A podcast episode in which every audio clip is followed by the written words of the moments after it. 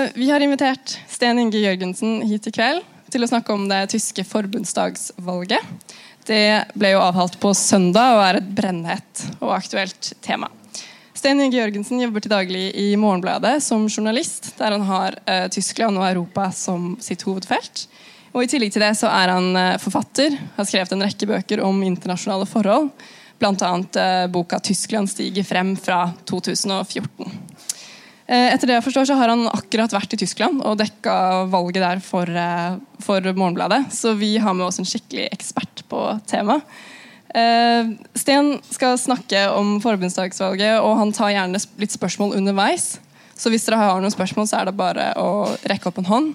Så skal jeg komme bort med, med mikrofonen. Ja, gi en varm applaus til Sten Inge Jørgensen.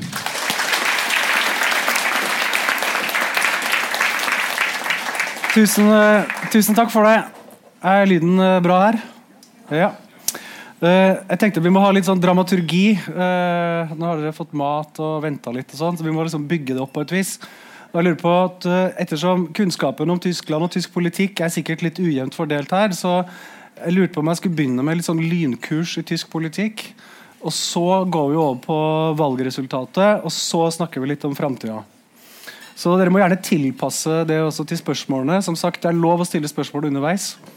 Bare rekke opp hånda. Men vi kan ikke stoppe opp med sånn Hvem var transportminister i 1955? Ha sånn uh, foredrag om det. Det kan vi ikke. Jeg vet ikke hvem det var heller.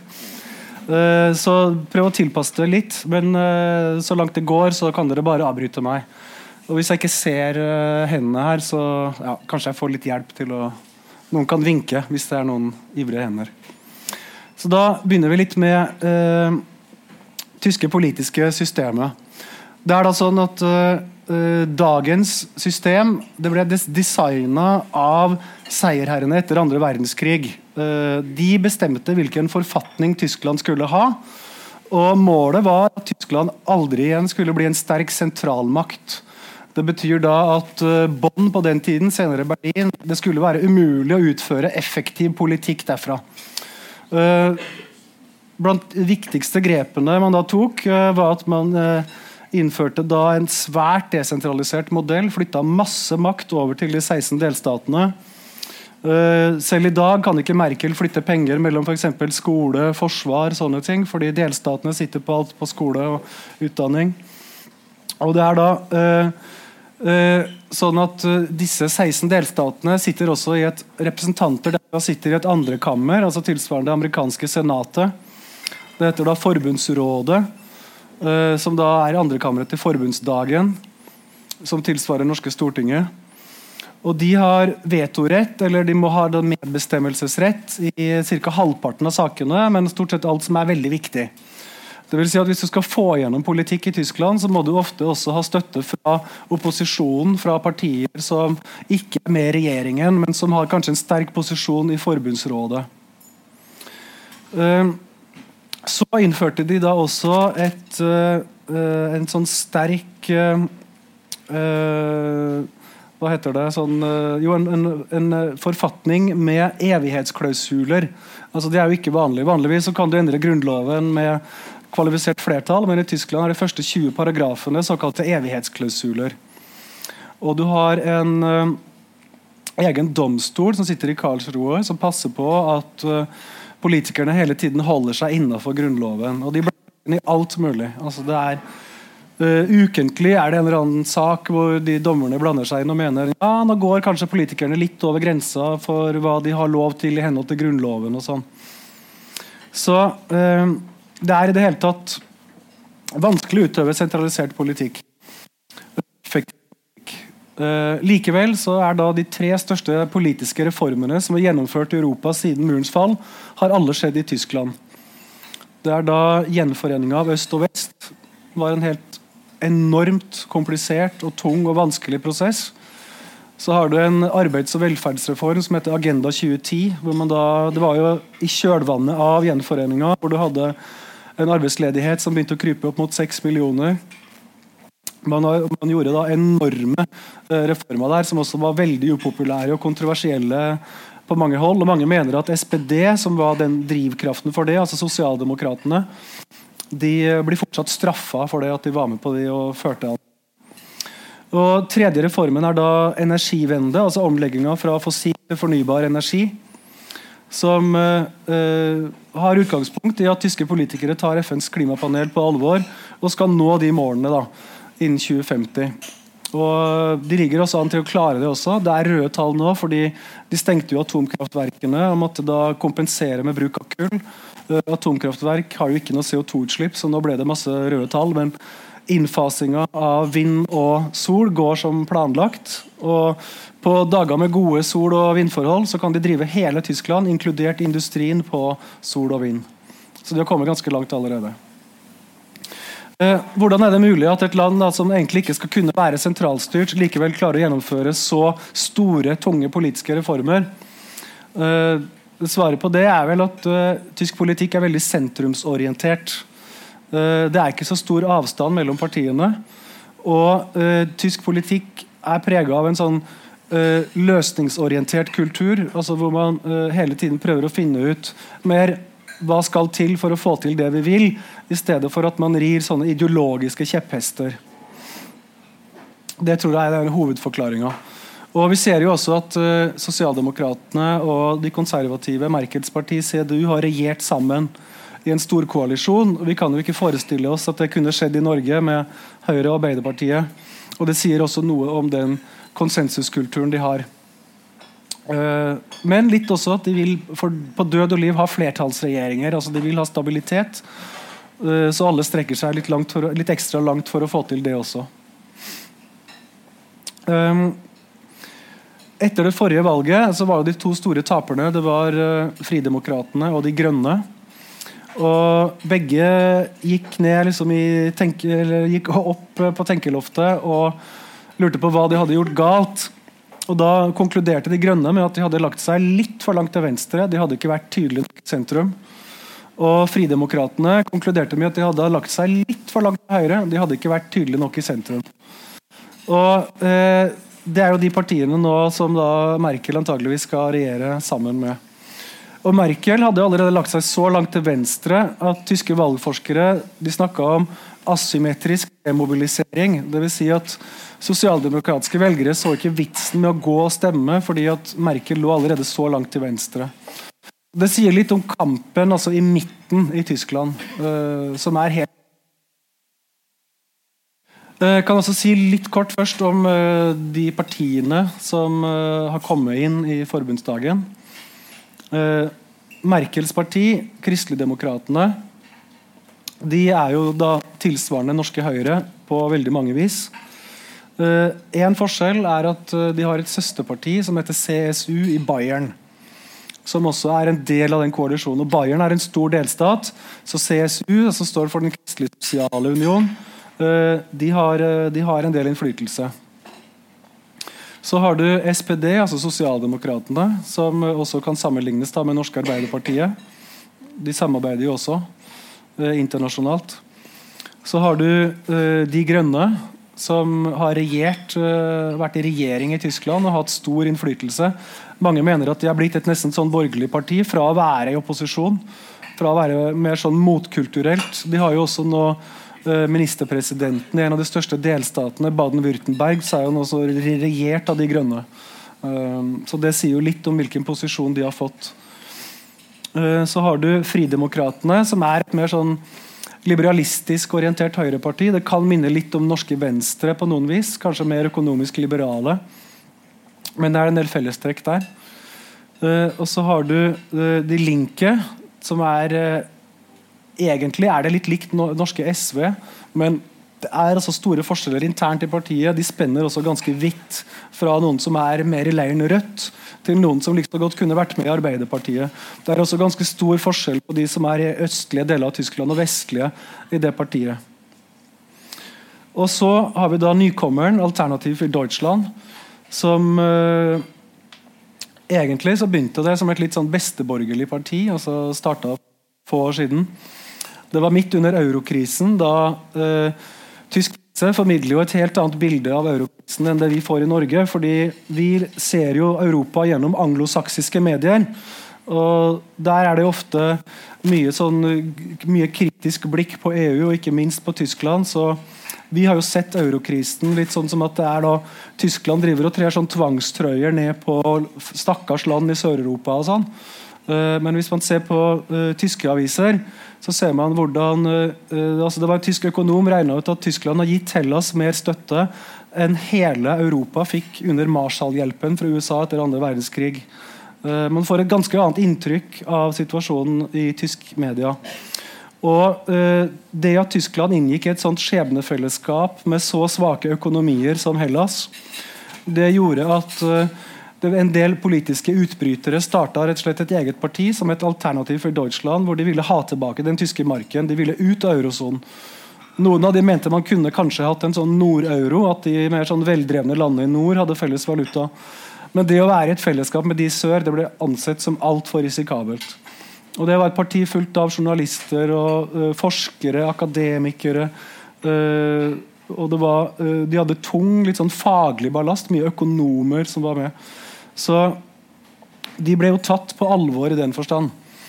Men det at de på en måte brøt med den europakonsensusen som er så tung i tysk politikk, altså det at man innveves veldig tett i europeisk fellesskap, det gjorde at de kunne ikke bli en del av det gode selskap. Og eh, da eh, Pegida-marsjen begynte i Dresden, det er jo også bare noen år siden eh, 2015 var det høsten 2015. Eh, eller var det nei, 2014, er det kanskje. Det var den eh, bevegelsen som var mot islamiseringen da, av Tyskland. Man mente at det hadde kommet for mye flyktninger. Det skjedde jo også før uh, den store flyktningetilstrømningen i 2015 så var det ukentlige marsjer der, og det ble mer og mer sånn tydelig at det her var en folkebevegelse. De prøvde å spre det også til andre byer. Fikk ikke så stor oppslutning der. Men det var folk fra Alternativ for Deutschland begynte å sondere med den bevegelsen, og man så etter hvert på muligheten for en slags fusjon. Fordi eh, Tyskland mangla et parti på ytterste høyre fløy som tilsvarer det alle andre europeiske land nå har. Altså fra, fra Nasjonal Front til Dansk Folkeparti, Sverigedemokraterna osv. Og Meningsmålinger viste jo at det fantes jo mange nok tyskere til at det kunne ha vært et sånt parti i forbundsdagen som hadde de meningene. For Det er bare to faktorer som kjennetegner alle. og det er at De er mot innvandring og de er mot EU. Og Det var nok av tyskere som var mot innvandring og mot EU til at et sånt parti kunne se dagens lys. Men det opprinnelige alternativet for Deutschland det var litt for sånn akademisk og for mye orientert om økonomi. Men når de da fikk til den fusjonen med Pegida, som var mer klassisk sånn fremmedfiendtlig, så lyktes de i å lage en slags sånn nasjonalkonservativ plattform. Og Det ble jo utrensning av AFD. Frauke Petri kom på plass. Hun uh, jo, sto jo da for en mye hardere linje enn de som opprinnelig starta partiet. Og uh, De gjorde det ikke så bra i forrige valg, men nå har de altså fått 12,5% av stemmene. Så det er litt sånn partifloraen. Uh, er det ingen spørsmål så langt? Går det, går det så greit? Så da må vi begynne å snakke om valgresultatet. Og da kan vi jo egentlig bare begynne der vi slapp. Fordi når et ytre høyreparti får 12,5% i Tyskland, så er det jo en gullgruve for norske journalister. For nå kan vi skrive altså, i fire år om ekstreme ting som blir sagt av et uh, parti i det skumle Tyskland. Uh, og man kan lure på skjer det igjen osv. Stille alle de spørsmålene og sånn. Og det må jeg bare beklage da, på vegne av journaliststanden at det kommer til å bli sånn. Uh, jeg kommer ikke til å bidra til det. grunnen til det er at det partiet er gjennomforska, gjennomanalysert av tyske forskere. Og de sier at antageligvis er det mellom 30 og 40% av de som stemmer på dem, eller 30% er også mange som mener, som egentlig er enig med partiet. 70% stemmer på de fordi de er mot Angela Merkels flyktningepolitikk. Det vil si at AFD er det eneste partiet som tar egentlig åpent oppgjør da, med at Tyskland skal ta imot så mange flyktninger. Så alle de tyskerne som mener at det kommer altfor mange, og det her kan ikke Tyskland håndtere, de stemmer da AFD, selv om de egentlig ikke deler AFDs syn på, eller ideologiske syn, syn på verden. Uh, og Derfor så tror jeg at man ikke skal overdrive den strømninga. Eh, det vi også ser, er at eh, allerede dagen etter valgresultatet så begynner partiet å splittes. Frake Petri, som egentlig var en litt sånn hardcore eh, nasjonalkonservativ stemme da partiet ble redefinert, hun uttalte bl.a. at eh, om nødvendig må vi skyte flyktninger på grensa. Hun fremstår nå som en moderat stemme og har jekka seg ned litt. og har Siste jeg hørte i dag, så man, har man funnet ut at hun har tatt domenenavnet De Blowe på, på, på, et nettsted. og Det spekuleres at hun vil starte et nytt parti. Det har hun avvist. Men hun har ikke avvist at hun vil bygge opp en ny fraksjon i forbundsdagen. Uh, du trenger bare 30 uh, eh, medlemmer for å kunne danne en fraksjon. Og uh, AFD fikk jo 94. Så at 30 kan hoppe av og bli med hun, er ganske sannsynlig. Så da ser du allerede at partiet begynner å rakne litt. Uh, men hva det betyr i, forhold til altså, innenrikspolitisk i Tyskland å ha AFD inn i forbundsdagen, det er dramatisk. For de er ikke vant til å høre sånne stemmer. Uh, de er til, det er litt sånn som i Sverige. Altså dere, noen av dere som, Hvis dere har fulgt med på svensk politikk, så husker dere kanskje noe som het desemberøverenskomsten. Det var da Sverigedemokraterna ble så store at de ble på vippen i Riksdagen. Så inngikk de andre partiene en sånn avtale om at, vi skal stemme, at opposisjonen er villig til å stemme for en mindretallsregjeringsbudsjett, sånn at de skal slippe å måtte få støtte fra Sverigedemokraterna. Uh, litt sånn er det i Tyskland også. Man kommer til å strekke seg ekstremt langt for at AFD ikke skal få noen som helst innflytelse. Men de kommer til å få taletid, og de kommer nå til å være til stede i mediedebatter hele tiden. Uh, og Det er veldig utfordrende for tysk politisk kultur. For Den type stemmer har man ikke hatt, som er så åpent kritiske til Europa og til innvandring.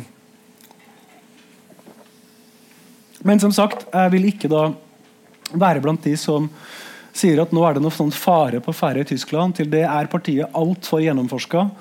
Og det er uh, man kan med helt stor grad av sikkerhet si at det er da så 90% av tyskerne minst stemmer for partier som er helt vanlige. Og Hvis du tar bort linket og sier at de er litt langt til venstre, så stemmer 80% for partier som er tett i sentrum, altså relativt sentrumsorienterte. Uh, nå er det et mulig litt unntak fra det også, fordi CSU i Bayern gikk på et kjempenederlag nå. De har jo alltid vært liksom litt til høyre for CDU for moderpartiet. Og eh, nå gikk de, de, jo, de, føler jo selv at de på en måte eier Bayern. De har alltid som flertall der. Nå har de gått ned fra 50 til 38,5% Og de tenker at det er fordi at de har vært for altså latt Merkel få lov til å være for liberal i flyktningepolitikken. De tror at det er en av grunnene. Det var jo også gjennom Bayern ikke sant, den store flyktningstrømningen kom. Eh, for å illustrere dimensjonene her da EU kom sammen for å finne ut om de kunne dele på flyktningene og lage kvoter, så kom de frem til 160 000 var alt de klarte. Det var like mange som det kom inn til München på 14 dager høsten 2015. Altså, så vi snakker om ganske uh, vi, snakker om et, vi snakker om en region som har merka det mer enn noen annen.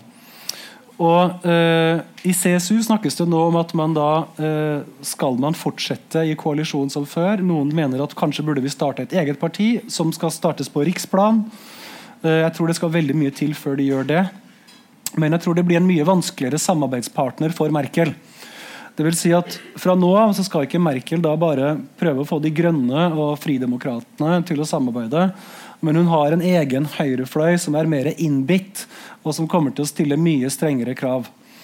Blant annet er CSU opptatt av at det skal settes et øvre tak på antallet flyktninger. Det har de kjempa for hele tiden.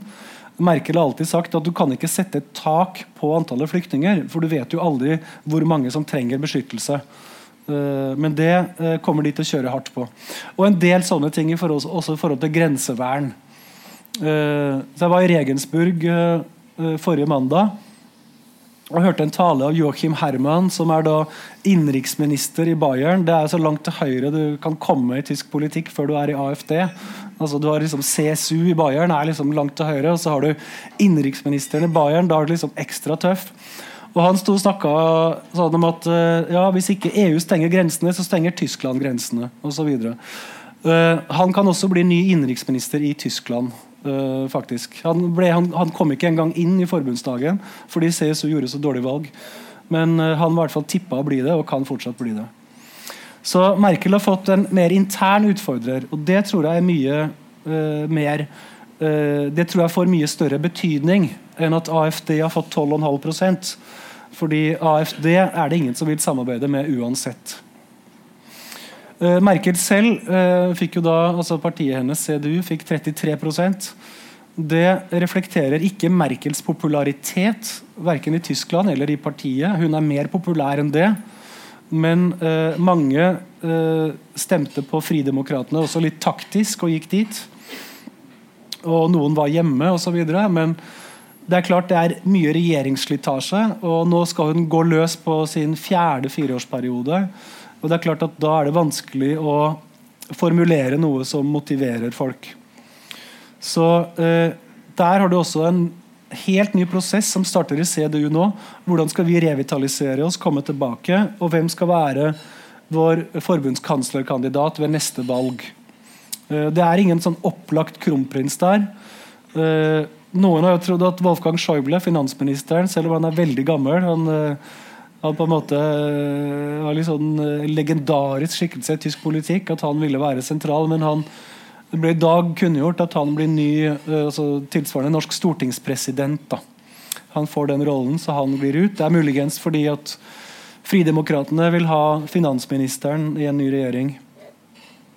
Men CDU uh, må da også gå i seg selv og også finne frem nye folk. En som har vært lansert, som jeg også har intervjua, han heter Jens Spahn. Han er statssekretær i Finansdepartementet og er liksom plukka opp av Schäuble, partinestor Schäuble. Så han uh, regner man med har gode sjanser. Han har prøvd å markere seg som en sånn egenrådig stemme. Det vil si Han kommenterer masse som ikke har med finans eller sitt departement å gjøre bl.a. innvandringsdebatten. Han har uttalt seg litt sånn at han er litt skeptisk til hodeplagg, eh, sånn eh, muslimske hodeplagg. og sånn. Men han har egentlig aldri tråkka over noen grov grense. Og øh, det er egentlig Han er egentlig veldig innafor det sjiktet i CDU som også Merkel er på mange vis. Så øh, det skal mye til før du vil se en ny sånn kursendring i CDU rundt en sånn ny type leder. Så der handler det nok mest om å reformulere da, en, ny, en, ny, agenda. Så har du Sosialdemokratene, som er jo da vant til å styre mye i Tyskland, tilsvarende norske Arbeiderpartiet, som fikk bare 20,5% Og noen sier at ja, det er jo fordi sosialdemokratiene taper over hele Europa, så de må vel også regne med å tape. Men eh, jeg tror ikke den analysen er riktig. Jeg tror at eh, hvis vi ser på meningsmålingene fra i mars, da Martin Schultz ble lansert som ny kanslerkandidat for SPD, så var jo SPD plutselig like populære som Merkels parti. Langt over 30% Så det er masse tyskere som er villige til å stemme på Sosialdemokratene hvis de tror at Sosialdemokratene representerer noe nytt og spennende. Men tyske SPD de har hatt store problemer med det. De har, hatt, eh, de har slitt, ja,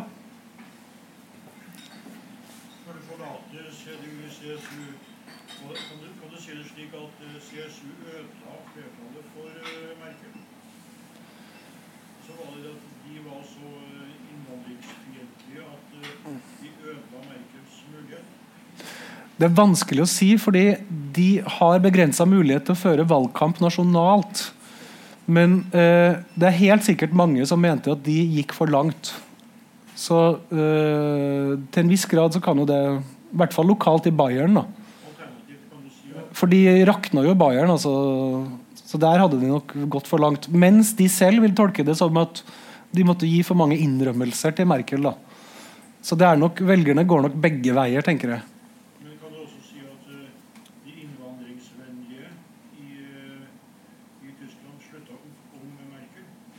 Ja, mange av de gjorde det, men alle partiene unntatt uh, Alternativ for Deutschland og da delvis CSU er jo pro innvandring. Så uh, egentlig var det jo ikke noe annet sted du kunne gå da, enn dit.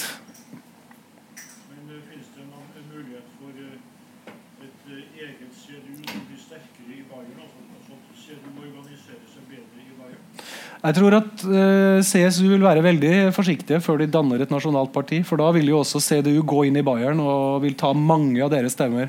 Så jeg tror det skal veldig mye til at de gjør det. Men at de bare snakker om det nå, sier litt om den krisen de er i.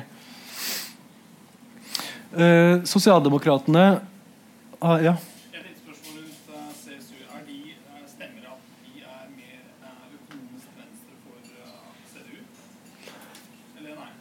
Eh, ikke inntrykk av at det er noen påfallende forskjell der, nei. Har ikke det. Men det er det er navnet. ikke sant? Det heter sånn Kristelig Sosiale Union. Til forskjell fra Kristelig Demokratiske. Så Man skulle jo tro at de hadde en veldig sånn tung sosial profil. Men den eh, tror jeg stammer fra en tid da kvinnen skulle være hjemme og man skulle støtte familier. og er mer, mer der. Den type sosial ja. eh, Sosialdemokratene ja. Ja.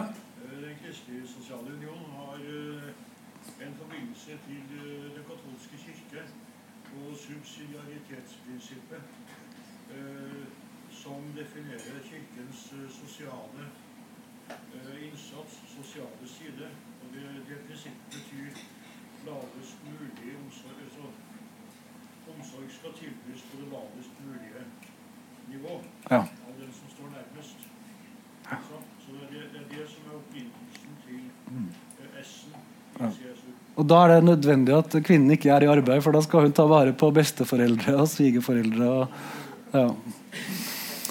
um, Sosialdemokratene sagt, har i lang tid slitt med å uh, finne seg selv opp på nytt. Altså, Gerhard Schrøder han satt jo lenge og var en veldig sånn karismatisk fyr som hadde et prosjekt. Uh, reformere Tyskland i en vanskelig tid.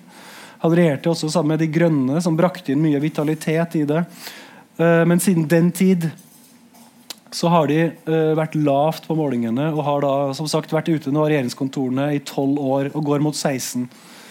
Eh, og det tror jeg altså har ikke med at de er sosialdemokrater, for som sagt altså da Martin Schulz kom inn, så kunne, kunne man se at de kunne tangere eh, Kristendemokratene. Men så, eh, som flere tyskere jeg snakka med, sier at så gikk det en måned, og så kom han jo ikke med noe nytt. Han hadde jo liksom ikke noe å si. Det var ikke noe, egentlig noe nytt program. Han hadde til og med signalisert at han syntes at de velferdsreformene Agenda 2010 hadde hatt for litt sånn negative sosiale utslag. Kanskje vi skal justere litt der. Men når det kom til stykket, så nevnte han bare én ting, og det var at folk som hadde, hatt, folk som hadde arbeidsledighetstrygd, kanskje kunne få det litt lenger enn de hadde før. Altså Det var noen sånne småting. Så eh, ingen fikk taket på han. Og han var jo heller egentlig ikke så veldig kjent i Tyskland. altså Han kom jo fra jobben som president for Europaparlamentet. Så Der trengs det en oppvask, men jeg tror at absolutt at de kan komme tungt tilbake. Det er fullt mulig. og det er et... Eh, et, eh, et kjempestort, veldig ressurssterkt parti som har også uh, store tenketanker, veldig stort apparat rundt seg. Så det tror jeg absolutt er mulig. Så er det uh, De Grønne, som uh, da Nei, jeg nevnte De Grønne. Nei. Jeg nevnte de bare inn, ja, litt sånn apropos. Altså, de har jo blitt et mer det jeg nevnte var at de har blitt et mer sånn borgerlig parti. da. Uh, de blir sett på som et mer mainstream-parti. Og det gjør at deres velgere har også blitt uh, mer sånn definert segment. Altså er, nå er de et sånt veldig middelklasseparti. Folk med veldig høy utdanning, veldig urbane. Og, mens mange av de unge som er mer sånn aktivistiske, de går til sånn mye mindre partier som har smalere fokus. Uh, blant annet så er det ett av de to dyrebeskyttelsespartiene som stilte til valg. Det var altså to, ikke ett. De fikk nesten 400 000 stemmer. Uh, og uh, de, i og med at de også da har sant, De styrer en stor delstat nå, gjør at de Man skjønner ikke helt på en måte hvor er det hva slags forskjell skal de gjøre. Mens de som da har kanskje er litt eldre og har mer uh, politisk erfaring, tenker at jo, men vi vet jo hva de har gjort, og vi vet at nå har de blitt et ansvarlig parti. Og hvis de kommer inn i forbundsdagen, så vil de jo helt sikkert ta opp igjen noe av den arven osv. Men det er på en måte eh, litt, blir ofte litt for sånn avanserte resonnementer eh, i forhold til den vanlige politiske ordskiftet. Altså, de klarer ikke å slå gjennom tydelig nok med en sånn eh, profil om at de virkelig skal endre ting i Tyskland. Men at de fikk da nesten 10% er jo høyt sammenligna med uh, hva de har vært nede på. De har jo hatt noen veldig dårlige målinger, så jeg tror ikke de er så misfornøyde. Men så er spørsmålet da når de går inn i, uh, inn i regjering, som det ser ut til at de vil gjøre, hva de da skal gjøre. Uh, for det er, det er, de som får det aller vanskeligst. kanskje med forskjell fra altså, Merkel er vel den som får det tøffest, men av de partiene så er det tyngst for De grønne. fordi en ting er jo at de står til venstre for uh, Merkel i en del saker. Men uh, Fridemokratene, altså liberalistene på høyresida, uh, er jo litt sånn De to partiene er litt sånn hund og katt i mange saker. Uh, ganske stor forskjell. Og de elsker liksom å ha sånn stereotyp, stereotypier og klisjeer om hverandre. Mange i De grønne ser for seg at velgerne til Fridemokratene det er litt sånne unge menn i næringslivet i sportsbil mens de i FTP tror at de grønne velgerne det er sånn vegetarianere med langt hår. Og det er liksom eh, Virkeligheten er da eh, helt annerledes. De er egentlig Demografisk sett så er de veldig like, velgerne til de partiene. Altså Det er ofte folk som har eh, mye utdanning, eh, bor i, bor, i, store byer osv. Og, så og har en liberal innstilling til mye. Du ser det at de har et politisk eh, fellesskap rundt f.eks. personvernideer. Mye sånn liberale, kulturelle eh, elementer som de kan finne bred enighet om. Så de står egentlig mye nærmere hverandre enn man kanskje skulle tro. Uh, og så er det da uh, De Linke som uh, Ja. De Grønne? Ja, er, altså, ja, Hvilket parti De Grønne ligner på i norsk politikk, det er et godt spørsmål. Jeg tror jo at sånn som de i norske Miljøpartiet som sier klart at de skal være et sentrumsparti, de gjør det jo fordi de er inspirert av De grønne i Tyskland. Og at de prøver på en måte å bygge en ideologi som ikke er sånn klart høyre-venstre-aktig. Men jeg tenker at De grønne i Norge er så nytt at det er så vanskelig å si akkurat hvor de blir. da. Men det er, et, eh, det er sterke elementer av norske Venstre, og så er det noen elementer av SV. Men det er, eh, det er, mer sentrumsorientert, altså, vil jeg si. Ganske sånn klart sentrumsorientert parti på mange vis.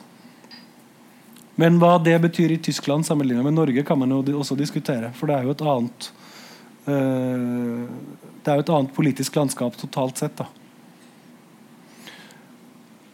Så De Linke, som da uh, minner litt om norske SV, men spenner bredere, de er det jo i dag heller ingen som vil samarbeide med nå. De kunne jo vært, altså Du kunne ha fått en koalisjon med Sosialdemokratene, Fridemokratene, De Grønne og De Linke. ville også hatt flertall. Men det er egentlig utenkelig da at uh, De Linke skal kunne samarbeide med Fridemokratene. Og det er heller altså blant mellom da uh, sosialdemokrater og folk i De Linke så er det også nesten umulig å finne sammen. Det er mye sånn historiske forhold der. altså Linke ble jo danna av utbrytere fra sosialdemokratene. Altså Oscar Lafontaine, som var finansminister. Ja?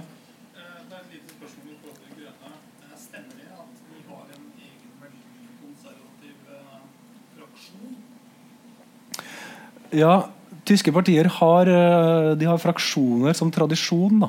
Så det er sånn at Hvis du for blir valgt inn i forbundsdagen for et tysk parti, så velger du nesten litt sånn intern fraksjon samtidig. SPD tror jeg det er fire fraksjoner, faktisk. Så er du sosialdemokrat, så har du liksom uh, à la carte når du kommer inn og kan finne din plass. Altså, liksom ja, det spenner også vidt, SPD.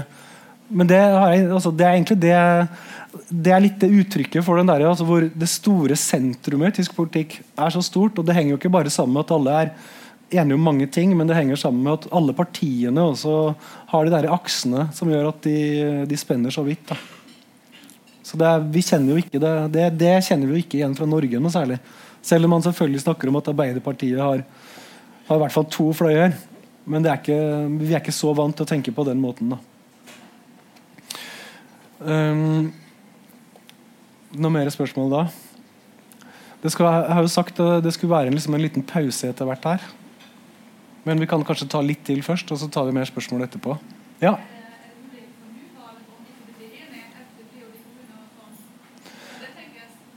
Ja, alt, eh, alt er mulig nå. Så, men eh, det er så mange alternativer på bordet. For så har jo Schultz han sa jo på da valgresultatet var klart, at vi går ikke inn i en ny storkoalisjon. Men la oss si at det havarerer, da, det forsøket nå. Så er det klart at da vil det komme opp en ny situasjon, og så kan de begynne å snakke sammen igjen. Så jeg tror det er mange, mange skritt å gå da, før man eventuelt måtte snakke om noe sånt. Ja, jeg, jeg tror ikke det skjer. Jeg tror, jeg tror, det er nesten helt sikkert at De Grønne og Fridemokratene og CDU finner sammen. Og så eh, er da spørsmålet hva, hva, skjer videre? da? Hva er på en måte, Hvis vi får da en sånn, en sånn koalisjon eh, Da tror jeg det er eh, CSU på høyre flanke, altså i Bayern-partiet Bayern eh, De må få noen innrømmelser. Så du vil få eh, noen flere restriksjoner i forhold til enten i forhold til innvandring, flyktninger, grensevern. Det vil komme et eller annet der. Men uh, noe særlig mer enn det vil nok antageligvis ikke de få. Uh, bortsett fra de vil, sammen med Fridemokratene, så vil de prøve da å stanse eller hindre Merkel i å samarbeide for mye med Macron når det gjelder reformer av EU. Fordi uh, Macron har jo begynt å holde taler nå, skal holde tale hele uka, om eh, en revitalisering av det europeiske fellesskapet. Mange store planer, spesielt for eurosonen. Og Frankrike har jo ønska at uh, de skal ha et, en felles da, finansminister med eget stort budsjett og videre for eurosonen.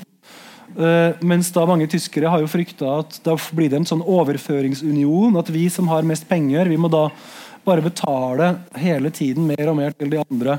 Og har vært tilbakeholdne i forhold til det. Og Merkel vet at uh, sånn er det ikke, for du kan sette ganske klare parametere som begrenser risikoeksponeringen. og sånn. Men i det tyske politiske ordskiftet så er det uh, spesielt da fra CSU, men også fra Fridemokratene, så utnytter man det uh, rommet der for det det er verdt, og sier at vi skal ikke ha denne typen EU i framtida. Uh, I hovedsak så er EU et, skal det være et sånt uh, fritt marked. Uh, vi skal begrense det solidariske fellesskapet utover det. Og, så Der vil CSU og FTP da prøve å hindre Merkel på en måte i å gå for langt i retning Macron i utenrikspolitikken. Men så er det sånn at hvis det her kommer som en stor pakke fra EU, til slutt. Altså, fordi Det er jo ikke sånn at uh, man offisielt uh, har to hovedsteder som snakker sammen og designer EUs fremtid. og Det går jo heller ikke an i praksis. Hvis du får en stor pakkeløsning, da vil Merkel si at i så store veivalg så det skal forankres i forbundsdagen, selvfølgelig. Og da kan hun regne med SPD-stemmer, altså Sosialdemokratene. Fordi det er altså bredt tysk flertall for en, en, reform av både EU og eurosonen. Og det er det altså stort flertall for også i det tyske parlamentet. Selv om Merkel kanskje vil slite internt i egen regjering med å få de med. Eh, når det gjelder andre tema, så vil jo De grønne måtte få noe. Og jeg gjetter at de vil prøve å få satt en sånn dørlinje for utfasing av kull det har jo vært veldig kontroversielt at, uh, kull, at atomkraft ble erstatta med kull. Og det er jo uh, vanskelig for Datt Nei, det kommer. Uh, vanskelig for Merkels parti, som har uh, f.eks. I Saksen, hvor jeg var forrige valget til forbundsdagen, da møtte jeg ledende representanter for Merkels parti som sa at klimaendringer det er ikke menneskeskapt i hele tatt. For der har de stor kullindustri. Så hun har mange stemmer i partiet sitt som vil gjøre alt de kan for at kullindustrien skal holdes ved like. Eh, men Merkel selv og store deler av partiet eh, mener at de må fase ut kullindustri så fort som de kan. Og hun vil da være glad for å få de grønne med på laget for det. Eh, så De Grønne vil få noe. Vi vet jo ikke helt hva det er, men man kan anta da at det blir en litt sånn revitalisering av tyske miljøvernpolitikken. For det har jo vært noen hvileskjær siste årene. Tyskland var jo veldig tidlig ute og var det ledende landet i innføring av fornybar energi. Men det har dabba veldig av. Og nå har jo de skandalene kommet med diesel, dieselbilene dieselbilene, altså juks med, med utslippene og sånn, som har ramma industrien veldig og som er veldig kinkig for Merkel. fordi altså, Mange av hennes velgere syns det er helt forferdelig uh, at ikke de bilprodusentene blir straffa. Men samtidig er det sånn at hvis du skal straffe de tungt, så setter du veldig mange arbeidsplasser i fare. Altså, tysk bilindustri er jo en veldig viktig arbeidsgiver. Så uh, hun kommer nok til å prøve å gjøre noe, men hun kommer ikke til å ilegge dem noen sånn kraftige og store bøter. og sånn, Så det er grønne så mye å hente akkurat der. Men uh, eller altså, sosialpolitikk så er det for tidlig å se, men Merkel har jo lovt å øke barnetrygden litt. Og det er en del sånne, sånne familiepolitiske tiltak som nok kommer, altså fra CDU. Men øh, vanskelig å se helt konkret, i og med at sonderingene med de andre partiene nettopp har begynt. Uh, kan jo legges til da altså europapolitisk. Eh, selv om eh, CSU og FDP som sagt ikke er de største europavennene, så er det en, eh, I og med at Storbritannia går ut, så er det nå et momentum for integrasjon på forsvar og utenrikspolitikk i Europa. Og Det kommer Tyskland til å spille en helt sentral rolle i, og det kommer til å være også viktig for Merkel de neste fire årene, hvordan man skal få til det.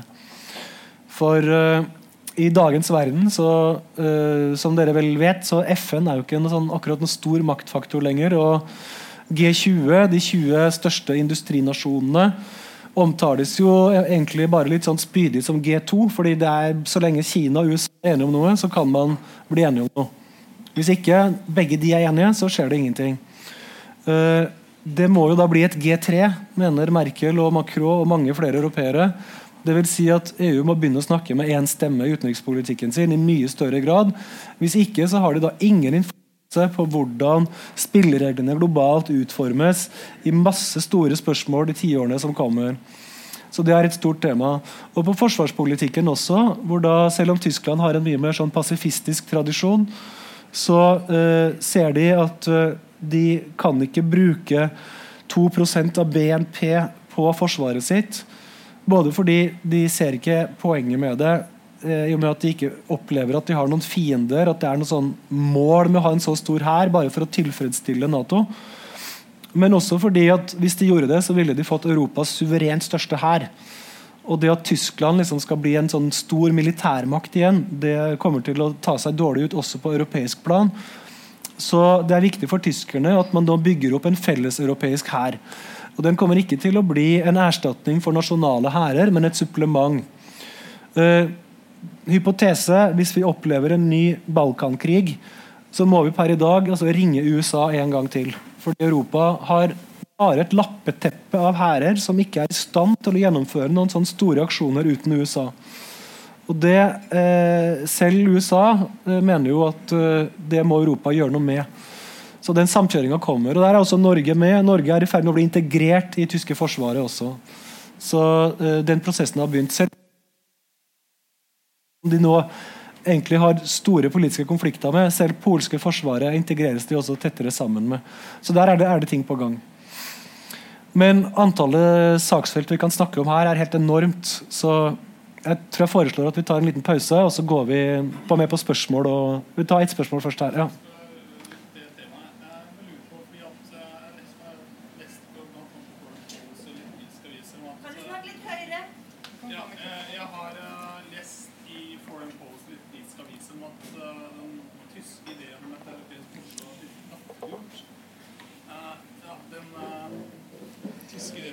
europeisk forsvar blitt. Så jeg lurer på om det er Er det særlig realistisk? Ja, eh, det er mer realistisk etter brexit. Fordi eh, da Storbritannia Altså De er jo fortsatt med, da, og det kan jo hende at de ikke drar. Men eh, før brexit-avstemninga var det i hvert fall sånn at både Storbritannia og Frankrike var mot europeisk forsvarsintegrasjon fordi de trodde at det ville bli en hær som ble hadde, hvor Tyskland hadde for stor innflytelse, og dermed ville hæren aldri bli brukt. Fordi Briter og franskmenn de ser jo på sine hærstyrker som en del av utenrikspolitikken, som deltar i kriger over hele verden hele tiden.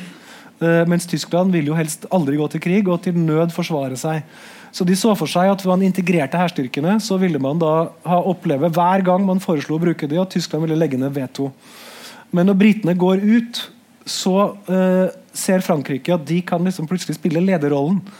For de vil da bli det eneste EU-landet som har fast plass i Sikkerhetsrådet, og det eneste EU-landet som har atomvåpen. Så nå er de mye mer lystige på mer sånn europeisk forsvarsintegrasjon. Men de kommer ikke til å gi, gi Tyskland noe vetorett. det gjør de ikke. Men i hvert fall er det mer dynamikk nå. Men mange ler av det tyske hæreksperimentet. Altså det er sånn at I Afghanistan eh, de var jo med på samme måte som Norge. Og I tyske medier hadde du samme debatten som i Norge. altså Hva gjør vi egentlig i Afghanistan? Er det bare fordi USA har pressa oss? og sånn?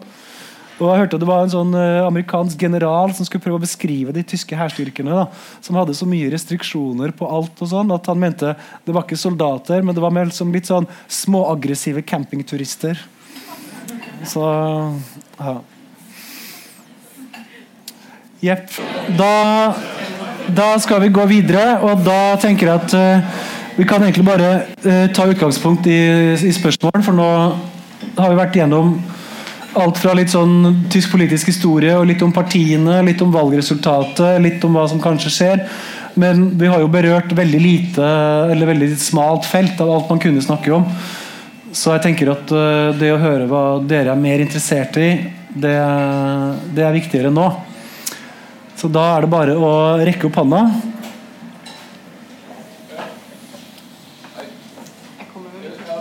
Du får mikrofon her nå.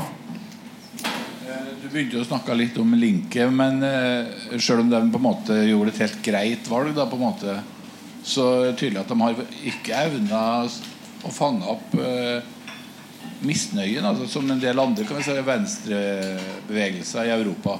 Da regner jeg med Corbyn som, en, så, som, som, venstre i den sammenhengen, hvis du skjønner. Og du har Samme situasjon har du i Belgia.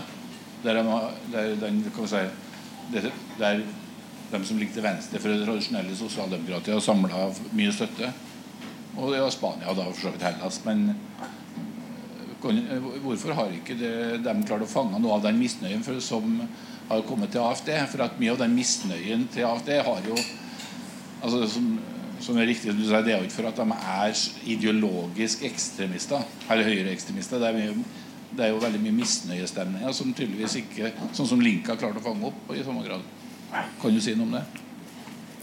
Eh, det er et kjempeinteressant eh, tema. Eh, jeg tror at de som har gått fra linket til AFD, det er nok de som er skeptiske til EU og til innvandring. Altså for det, du har elementer av det også på ytterste venstre fløy. Men når det gjelder det potensialet da Linke kunne hatt generelt hvis de hadde fanga opp mer sosial misnøye, det er litt sånn gåtefullt. fordi i tysk politisk debatt siste årene så har man snakka om at Tyskland blir mer lagdelt. At du har fått nærmest en ny sånn underklasse av sånne working poor som vi kjenner fra angloamerikanske verden. Og eh, Flere tyske tenketanker produserer jo jevnlige analyser som skal påvise at Tyskland har fått det. Man snakker om en sånn nidriglånsektor. Folk av eh, lavtlønte som har eh, veldig lite å rutte med når regningene er betalt og at det er blitt mye da, deltidsarbeid osv. Men så er det da at når man prøver å oppsummere og prøve å få sånn helhetlig bilde av hva som foregår, så er det så komplisert. fordi Samtidig svarer da 80% av tyskerne at de har fått det bedre og at de føler seg trygge materielt. Og det er i dag mange færre som frykter sosial degradering enn for bare fem år siden. Så mye av den statistikken da, som kommer frem, den gjenspeiles ikke i folks holdninger. Men folk er, har, har, blitt så eksponert for at det er så mye sosial ulikhet i Tyskland at folk er også veldig bekymra for det. Så Berliner Morgenpost har undersøkt hvert år siden 98 hva er de viktigste sakene for velgerne i dette valget. Og I år så var sosial ulikhet nummer to som bekymring etter innvandring. Så folk er veldig opptatt av det. Uh, og Det kan bety to ting. Da, at uh, De er bekymra på andres vegne mer enn sine egne. altså At de er redde for at Tyskland skal bli mer ulikt. Eller så kan det hende at de som uh, forsker på det, ikke helt klarer å fange opp hva som skjer. Men det man i hvert fall vet, da, er at mange av de for husholdningene som har lav inntekt fordi Hvis du ser på, hvis du tar median, utgangspunktet medianen, så er det sånn at de som tjener mellom 66 nei, unnskyld, 77 og 130% av medianen, altså da har du det tunge sentrumssjiktet, den gruppa har blitt ca. 5% mindre uh, de siste ti årene. Mens de gruppene som tjener over 130% av medianen og under 77% av medianen, de har da økt. og Da er det målt på husholdningsnivå. Men samtidig så har antallet husholdninger økt veldig fordi det er mange flere singelhusholdninger. Uh, det har jo sammenheng med at mange flytter for å studere, mange flere til andre byer osv. Og at du har fått mye mer innvandring, og de begynner ofte i de laveste inntektssjiktene. Eh, så akkurat hvordan bildet er, er så vanskelig å si. Det gjelder også for eh, de med deltidsjobb og sånne minijobs. Eh, den nye jobbkategorien hvor du kan tjene sånn 500 euro skattefritt. Det viser seg jo at Når du spør folk som har den type jobber, så sier jo et stort flertall at de foretrekker det fordi at de har allerede en annen i husstanden som tjener mye penger. De skal bare ha litt sånn ekstra selv. Og I Vest-Tyskland, som har vært senere ute enn øst med å få kvinner ut i arbeid, så ser du også at det er litt sånn første skrittet for mange kvinner er å ta en deltids- eller en sånn minijobb. Og at De ser ikke på seg selv som sosialt underprivilegerte, selv om de statistisk sett ser nesten fattige ut. Så det feltet der er veldig komplisert. Men den, eh, min konklusjon ut fra de jeg snakka med, er i hvert fall at Tyskland har et problem med at det er mange flere nå enn før som har relativt mye dårligere lønn enn fellesskapet. Og at uh, Tyskland derfor ikke lenger skiller seg ut i den globale trenden med økt inntektsulikhet og økt formuesulikhet. Uh, spesielt på formue ser du en skarp økning i Tyskland. Det gjør du jo andre steder også. Men på inntektsulikhet så er det litt mindre i Tyskland enn andre steder. Det har også litt sammenheng med at de innførte minstelønn. Da ble jo mange løfta opp. Men man vet jo ikke de langsiktige effektene av minstelønn. Så det er et veldig komplisert bilde. Men jeg tror det er, altså, det er helt klart uh, en bekymring for den utviklinga i Tyskland. Og et parti som De Linke skulle man tro hadde kunne profitert mer på det, fordi de har jo ikke vært i regjering sånn som sosialdemokratene. Men det har altså ikke skjedd. Men så er det da, De Linke er jo ikke noe veldig store kretser blir jo sett på som et litt rart parti. altså Mange forbinder det jo fortsatt med det tidligere kommunistpartiet i, i Øst-Tyskland. Fordi det springer jo delvis ut av det. Så mange, For mange virker det helt absurd å skulle stemme på et sånt parti. Så de har jo ikke egentlig klart å funne seg en sånn helt fri rolle enda da. Ja.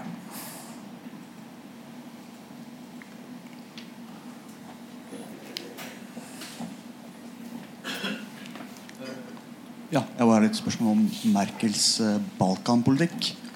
Du ser jo Viktor Orban og Republikk Serbsa ser veldig mot Putin. Eh, Serbia flørter litt både med Stoltenberg og Putin.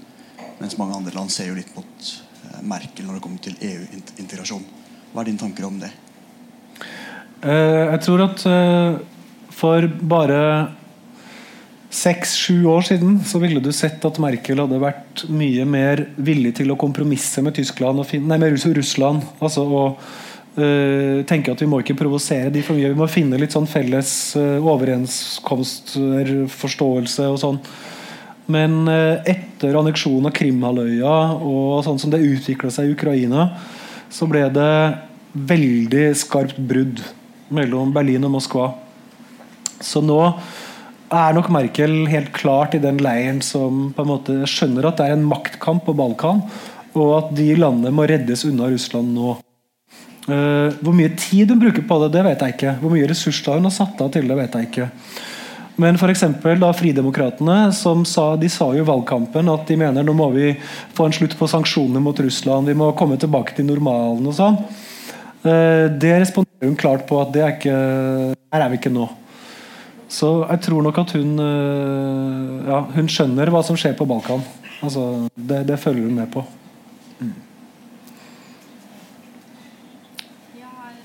Hallo? Ja.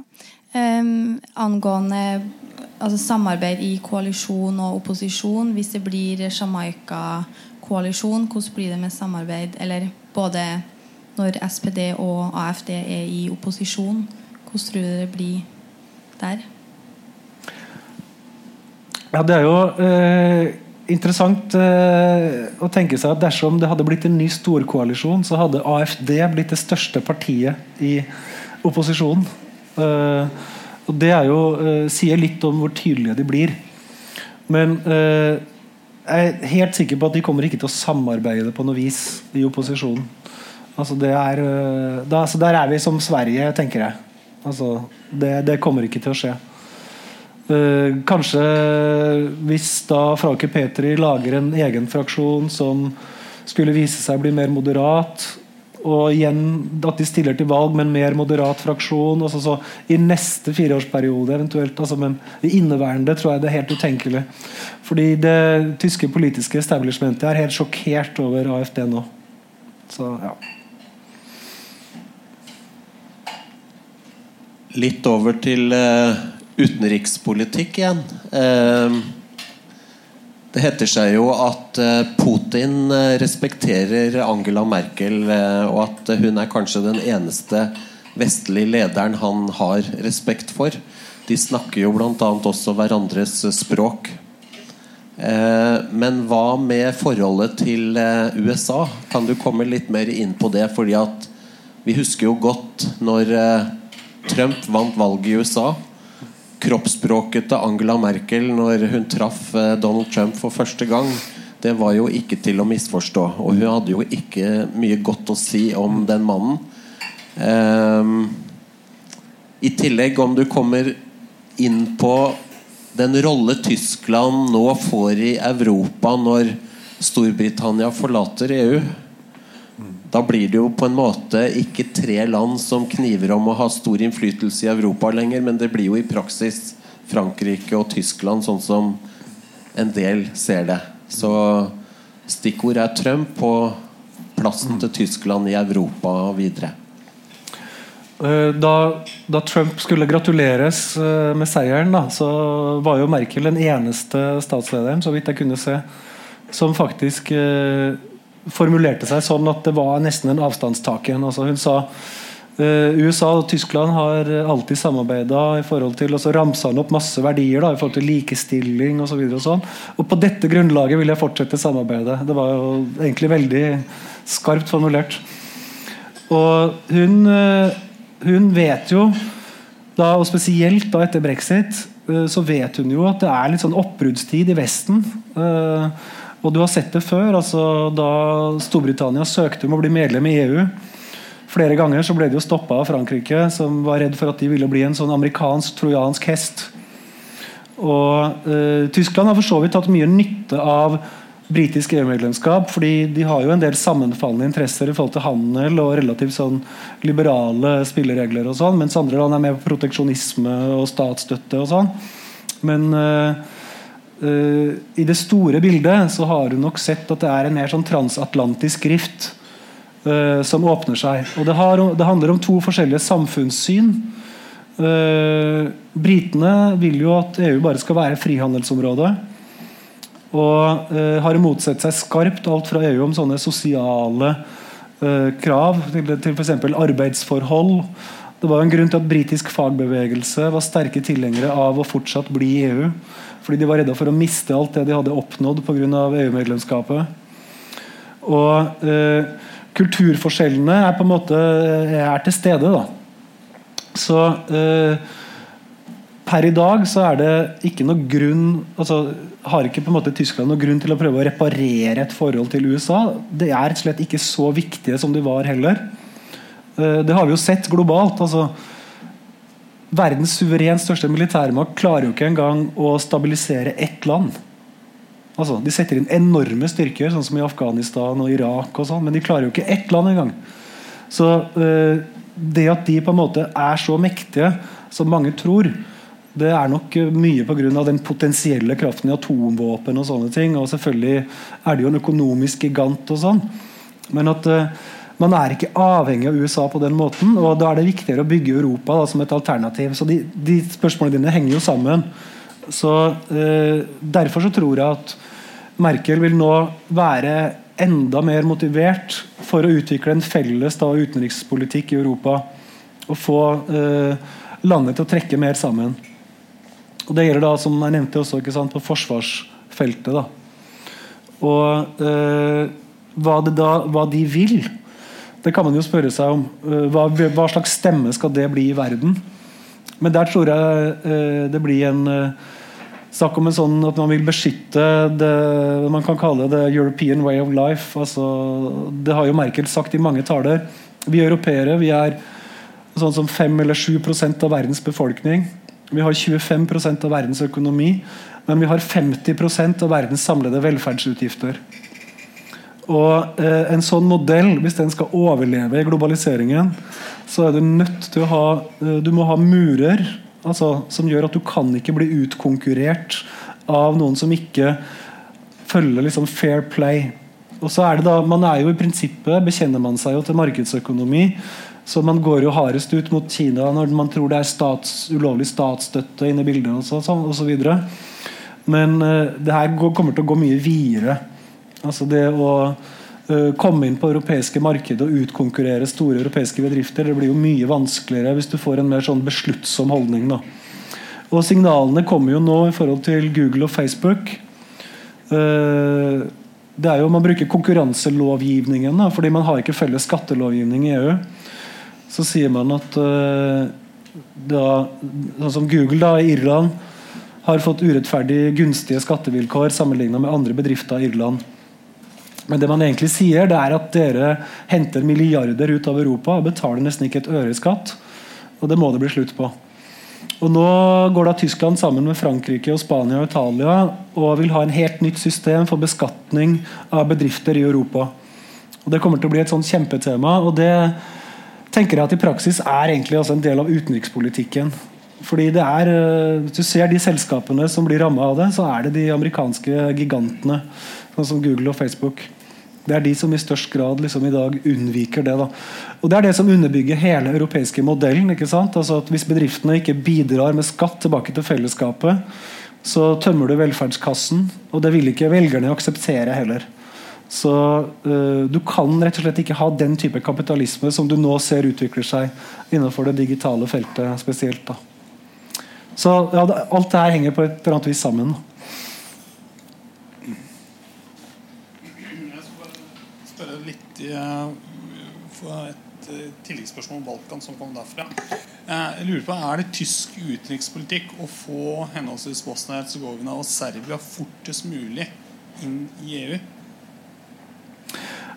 Nei, akkurat nå så er det sånn at det er alt som har med utvidelser å gjøre, det er det ingen som haster med.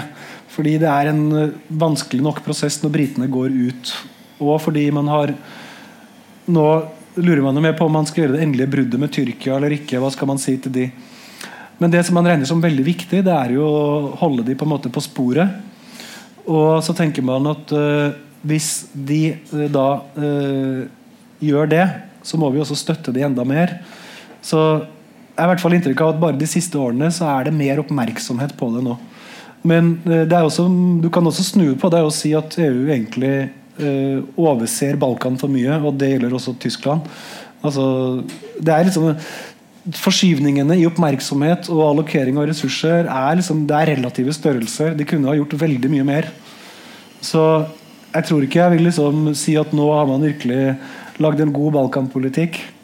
Men jeg tror at man i hvert fall, som det ble, altså, sa i forrige spørsmål her, altså, jeg tror man skjønner mer av den maktkampen som foregår. da. Og man skjønner hvor utrolig viktig det er for de landene å komme inn i EU.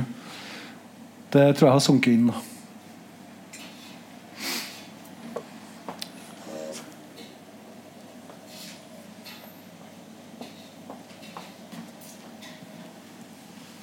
Ja, Mange syns vel at uh, politikken som har vært ført i Tyskland, har vært både hyggelig og bra. Og det har en sikkert på mange måter økonomisk, sosialt, så det, går det veldig bra der. Men det har også vært kanskje det kjedeligste landet i Europa etter mitt skjønn når det gjelder politikk. Det har vært en smilende Merkel som har uh, avvæpnet alle med sin moderlighet. Og de Moti, Moti alle, ingen som går imot Moti. Og eh, hun har samlet alle under sine vinger. Og dette har jo sett riktig fint, fint og hyggelig ut, men andre er blitt mer og mer engstelige. For i et hjem hvor det aldri krangles, det er skummelt. Eh, da er det noe som ikke stemmer, som regel. Og Sånn har det vel vært i Tyskland. Det har ulmet kraftig under overflaten lenge. Og eh, nå har dette da altså slått seg ut eh, i konkret eh, handling i, at, eh, i og med at AFD har fått så stor oppslutning og er valgets store seierherre. Eller seierkvinne. Og eh, selv om nå denne frau Petri, eller hva hun heter, har forlatt partiet, så, så vil dette partiet nå bli en kraftig opposisjonell stemme i Bondestag. Og Det skal bli kjempespennende å se hva som skjer. Altså, sannsynligvis så vil det vel bli litt det samme som har skjedd med Sverigedemokraterna i Sverige. I dag så er det det største partiet i Sverige på målingene. Og sånn at Det er veldig veldig store folkegrupper som sympatiserer, som er redde for islamiseringen først og fremst. Prognoser som går ut på at 30-40 eh, Nei, om 30-40 år så er det eh, muslimsk majoritet i Tyskland.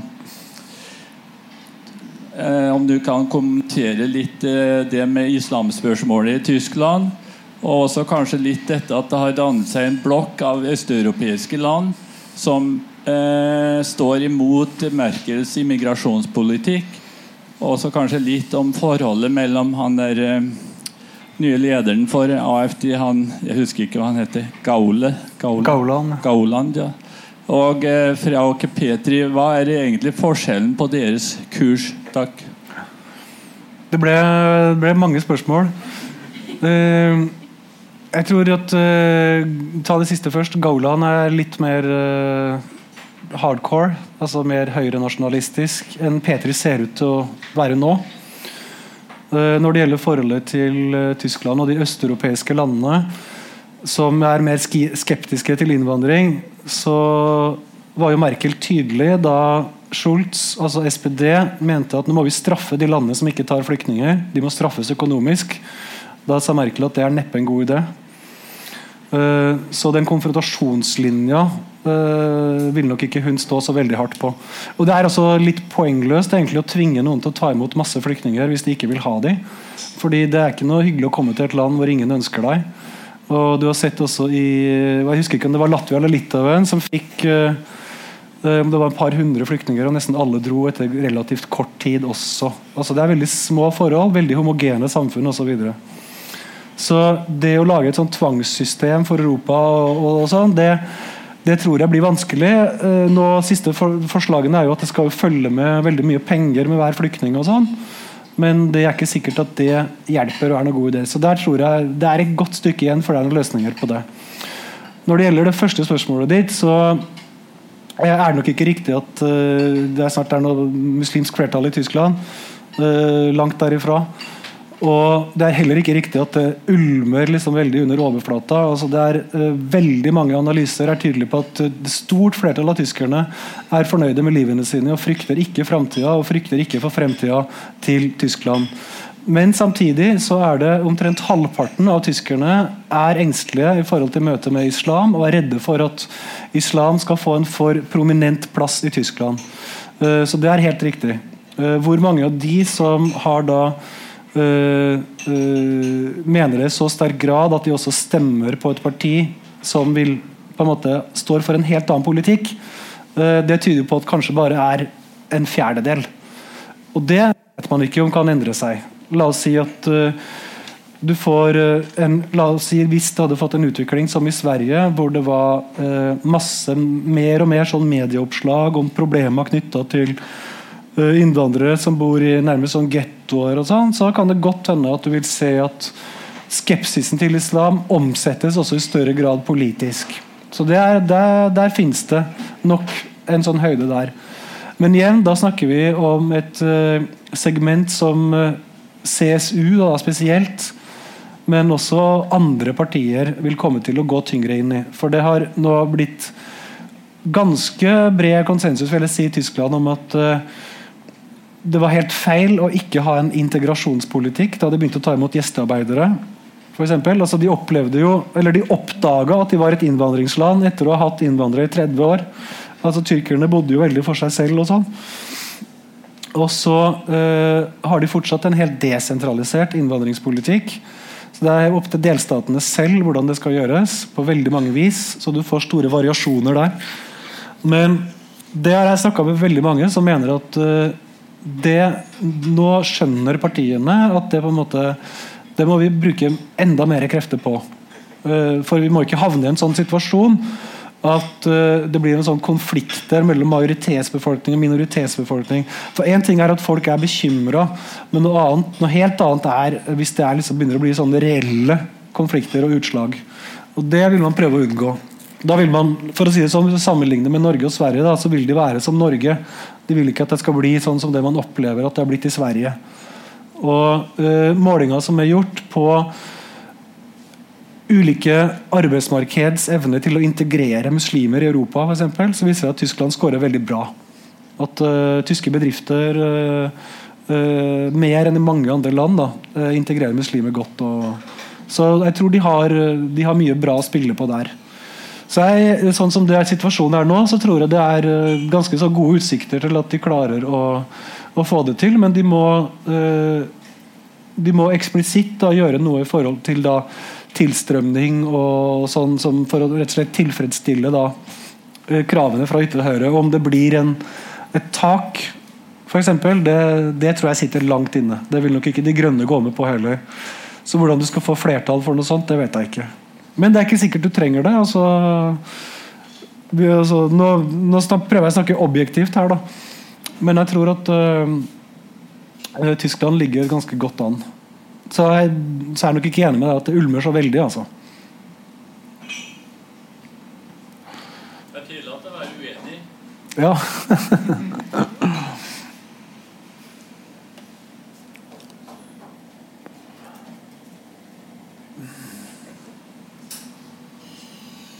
sa i begynnelsen at uh, den sentrale regjeringen i Tyskland har begrenset makt pga. Uh, føderalismen. Uh, det finnes, så vidt jeg vet, en kommisjon som skal revidere strukturen noe. Vet du noe om det?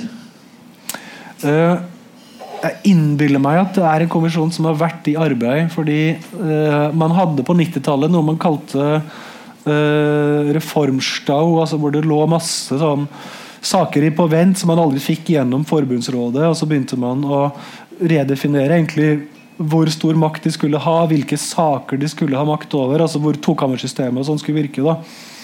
Uh, og Der ble det tatt noen grep. Men når det gjelder fordeling mellom delstat og føderalt nivå, så er det nok noen Det kjenner jeg ikke til. Altså at uh, Hvis de jobber med akkurat det også. Men det det tror jeg nok er øh, veldig vanskelig i Tyskland. fordi Hvis du tar sammenligner med Frankrike og Storbritannia, som er, da har kjempesterke hovedsteder altså London og Paris er liksom, med tentaklene er liksom halvparten av økonomien og alt. Mens i, i, Tyskland så er Berlin en parentes. altså Finanssentrum er i Frankfurt, mediesentrum i Hamburg.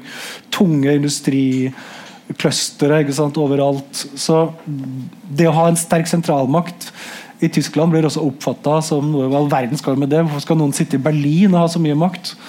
Så der er det mye, mye tøffere. Ja, øh, I mars så var jeg på et møte i, i Brandenburg. Uh, og da sa de at der har det vært folketallsnedgang. Uh, så sa hun politikeren som holdt innledninga til oss at det reelle politiske Eller det reelle skillet i Tyskland er ikke mellom øst og vest, det er mellom nord og sør. For de ser at de har eh, arbeidskraftflukt eh, sør, spesielt til, Bayern. Eh, har du en sånn Har det vært noe Senterpartieffekt? At det har vært det har skjedd i de delstatene som har økonomisk nedgang, at det har vært et fokus på distriktspolitikk inn mot den valgkampen her og i, i det politiske ordskiftet generelt? Uh, nei, det, det, er egentlig veldig interessant med Tyskland at ting er så desentralisert i utgangspunktet. At uh, det er ikke du har ikke, den, du har ikke det der forholdet mellom liksom distrikt og sentrum som vi har. Man har da mer forhold til sitt nærmeste sentrum. Så jeg husker Da jeg gjorde research til boka mi, så var jeg ganske mye Mecklenburg-Vorpommern og uh, snakka med folk som hadde veldig sånn forskjellig politisk syn. Og de var retta liksom all sin aggresjon mot regionale myndigheter. Uh, det er vel det samme, som her, da, at du hadde hatt i Namsos, da, men hadde bare vært opptatt av Trondheim. Altså, så det er litt sånn uh, Det er litt sånn annen, annen dynamikk i et sånt system. Men uh, så er jo, vet jo de altså I øst da, så har jo de de vet jo hvor enorme overføringer de har fått. Det er jo velkjent det er jo velkjent i så stor grad at for mange østtyskere føler nesten at det er noe sånn underlegent over å skulle være der. og Det tegner jo også delvis fortegna bildet av øst, fordi Saksen har jo nå uh, hatt en kjempevekst og har nettoinnflytting av unge, høyt utdanna folk. Uh, det er jo dramatisk forskjell fra bare ti år siden. Så uh, det går jo også bedre i deler av øst nå. Men nei, jeg tror ikke det går an å starte noe Senterparti i Tyskland. Det er vanskelig. Jeg tror vi tar et spørsmål til, hvis det er noen som har et siste spørsmål.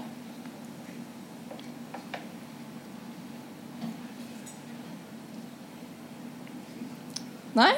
Jo? Ja, eh, når man snakker om eh, flyktninger eller- og integrering i Tyskland, så det, det, det alltid blitt, sikkert i hvert fall for mange vet ikke hvordan tyskere opplever sjøl, men det blir ofte sånn da fokusert på den, den nær, nære historia, eller fjerne historia, spesielt mellom 33 og 45. Men eh, er det, er det gjort noe forskning som viser f.eks. i og med at vi vet at så stor del av den tyske befolkninga sjøl er flyktninger?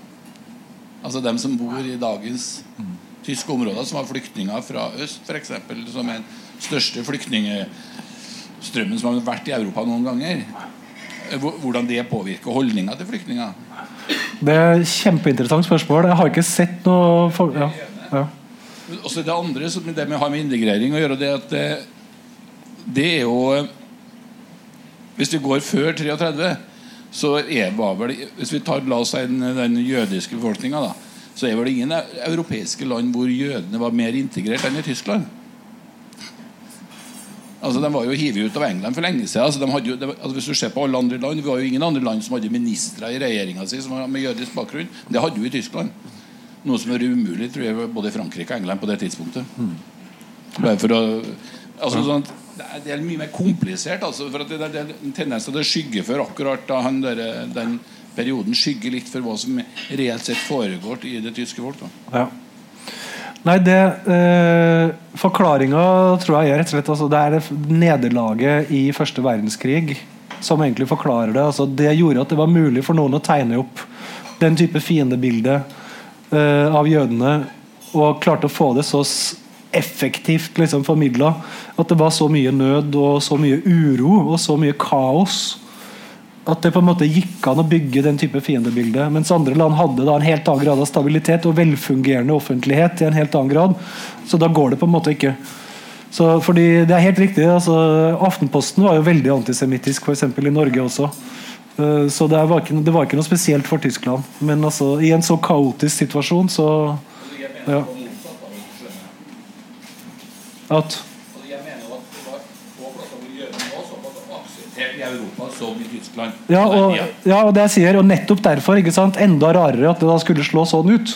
Ja. Men det da mener jeg er grunnen er første verdenskrig. Altså at det Når de da begynte på et så nullpunkt liksom, øh, med i et sånn nederlag sant? Så selv om jødene var integrerte, så klarte de altså å bygge det opp til at de var så farlige. Og øh, det andre du spurte om, var så stor del av den tyske befolkninga Ja, var flyktninger, ja. ja. er, er, er Ja. eh, først andregenerasjons flyktninger. Da. Ja. Det, her har jeg ikke sett noe forskning på hva det betyr, men eh, tallene er jo helt enorme. Det var mellom, 10, nei, mellom 12 og 15 millioner som ble kasta ut av Øst-Europa. eh, folk med tysk bakgrunn som kom inn som flyktninger til Tyskland etter andre verdenskrig. Gynter Grass, eh, som har jo blitt en slags sånn nasjonalskald, han kom jo fra Danzig, som nå heter Gdansk. Det var jo tyske byer hele veien oppover der. Og Han skrev jo også om det i en av bøkene sine. Hvordan det var å plutselig bo sammen med sånne katolske bønder i Bayern. altså Helt fremmed kultur for han. Som var sånn urban eh, protestant. og altså så der, Tyskland er egentlig et mye mer sånn heterogent land enn man egentlig tenker på. og den eh, altså, Både når det gjelder regionale forskjeller, men også den der opprinnelsen folket har, også er mye mer mangfoldig enn man skulle tro. Så det kan jo hende at det også gjør det mer robuste da, i forhold til, til forskjeller. Uh, kan hende at det virker også inn på det. I hvert fall så er de Hvis du, hvis du måler de, altså Sosiologer da, som måler folks uh, verdier, de uh, opererer med en akse som går fra sånn konservativ, tradisjonell verdi i ene hjørnet, og så er det det man kaller da sekulærrasjonelle verdier i andre hjørne. Jeg tenker en diagonal. da så Hvis du spør populasjoner over hele Europa en del sånn sjekkspørsmål, så finner du ut hvor de er på den aksen. Og da vil typisk sånn bønder på polske landsbygda de er helt nede der. Da er det liksom uh, vel, da er du mot homofile, og kvinnens plass er i hjemmet og sånn. Og så har vi jo sett for oss at det er sikkert en sånn uh, hasjrøyker i Amsterdam som er oppe i andre hjørnet. Men uh, hvis du lager det som uh, Hvis du gjør om prikkene til nasjoner, da, så er det de som er høyest opp på sekulærrasjonelle, det er Sverige og Tyskland. Uh, og det slår da ut også på i forhold til at de er mer da tolerante enn andre. da. Og det tror jeg nok den veldig heterogene bakgrunn tyskerne har, nok bidrar til. Fordi de har ikke vært vant til å bare omgås folk som ligner på seg selv og har samme bakgrunn. og sånn. Jepp. Ja, Da tenker jeg at vi sier at den offisielle delen av programmet er over. i hvert fall. Hvis det er noen som brenner veldig inne med noen spørsmål, så blir sikkert Sten igjen noen minutter, så dere kan uh, stille dem. Da vil jeg bare si tusen hjertelig takk til deg, Sten, for at du ville komme hit i kveld. Og tusen takk til alle som kom, og alle som uh, stilte spørsmål. Så tusen takk.